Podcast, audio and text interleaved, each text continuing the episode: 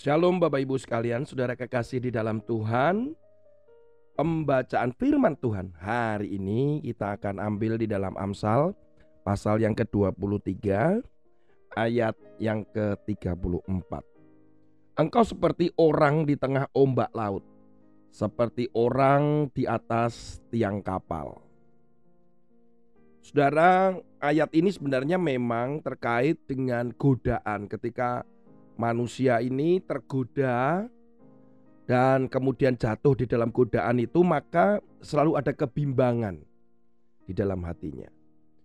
Tetapi izinkan saya untuk melihat dari sisi yang lain, bukan dari godaan tapi goncangan, karena saya melihat itu ombak di laut. Dalam sebuah perjalanan saya sebenarnya kalau saya naik kapal itu saya jarang sekali saya itu mabuk.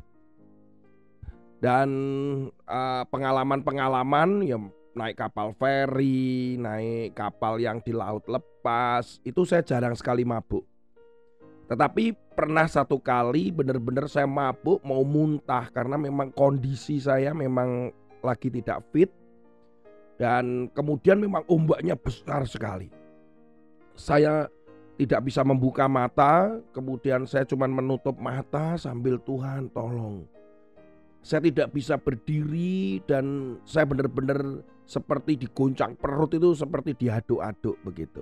Itu gambaran karena goncangan yang ada di laut. Saudara yang kekasih di dalam Tuhan, kapan iman kita itu bisa goncang? Hari-hari ini banyak sekali iman itu goncang, goyah. Ketika kita dihadapkan pada goncangan-goncangan, goncangan ekonomi, goncangan masalah yang kita hadapi di tengah keluarga, goncangan pengajaran yang terjadi seperti dongeng-dongeng misalkan firman Tuhan katakan demikian.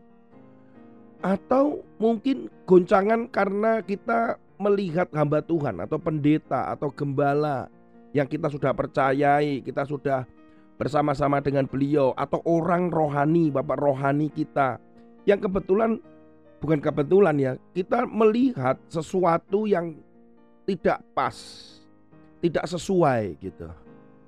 Di mana iman kita kita goncang.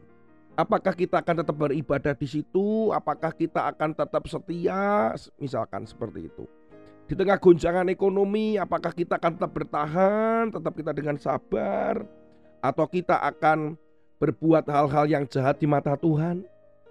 Goncangan keluarga, permasalahan yang menumpuk, yang menimbun begitu banyak dengan pasangan, Apakah harus akhirnya kita berbuat hal yang salah dengan berselingkuh misal atau kita minggat keluar dari keluarga? Saudara, goncangan demi goncangan membuat kebingungan seseorang untuk dia akhirnya melakukan tindakan-tindakan yang tidak sebagaimana mestinya.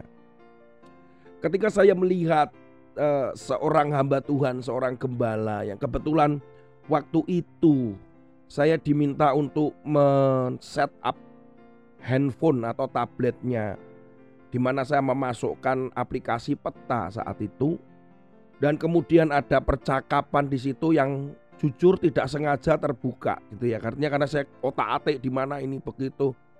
Ketika saya buka percakapan ternyata gembala ini bercakap-cakap dengan seorang perempuan begitu dan percakapannya menurut saya tidak sewajarnya antara seorang gembala dengan jemaat.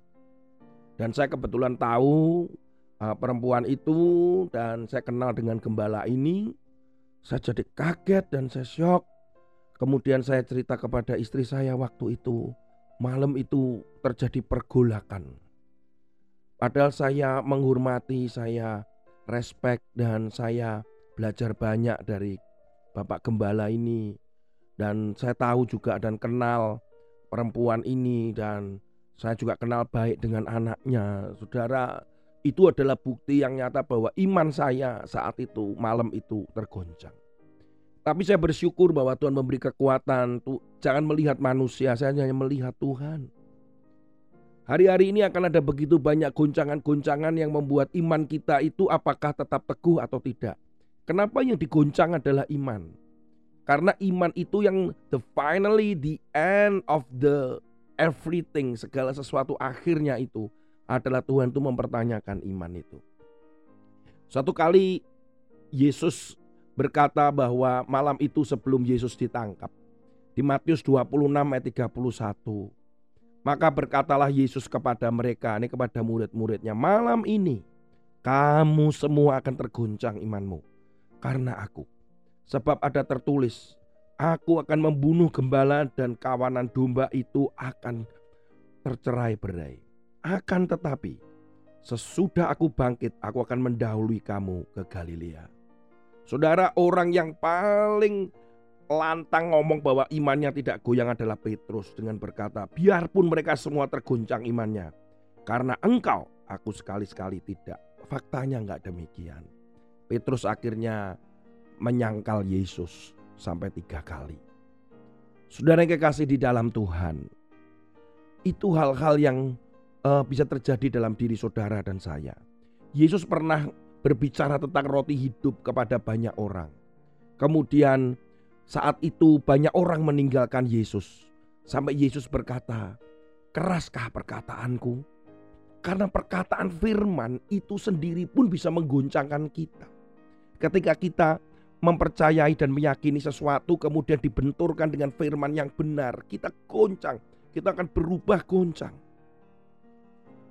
Saudara, banyak hal yang membuat kita harus tetap dengan iman yang benar dan yang tulus di hadapan Tuhan. Mari kita saling menguatkan ketika ada guncangan di sekitar kita. Mari kita saling menguatkan untuk tetap come on, tetap percaya, tetap sabar, pegang firman Tuhan, pegang janji Tuhan. Hal itu membuat kita semakin kuat di dalam iman dan jangan lupa firman-firman mulai direnungkan kembali dan jangan kita berhenti untuk melakukan firman. Di situlah penghiburan nyata, dekat dengan Tuhan, intim dengan Tuhan. Di situ kekuatan-kekuatan yang baru Tuhan berikan kepada saudara dan saya. Tuhan Yesus memberkati hati-hati dengan guncangan-guncangan yang terjadi akhir-akhir ini. Amin.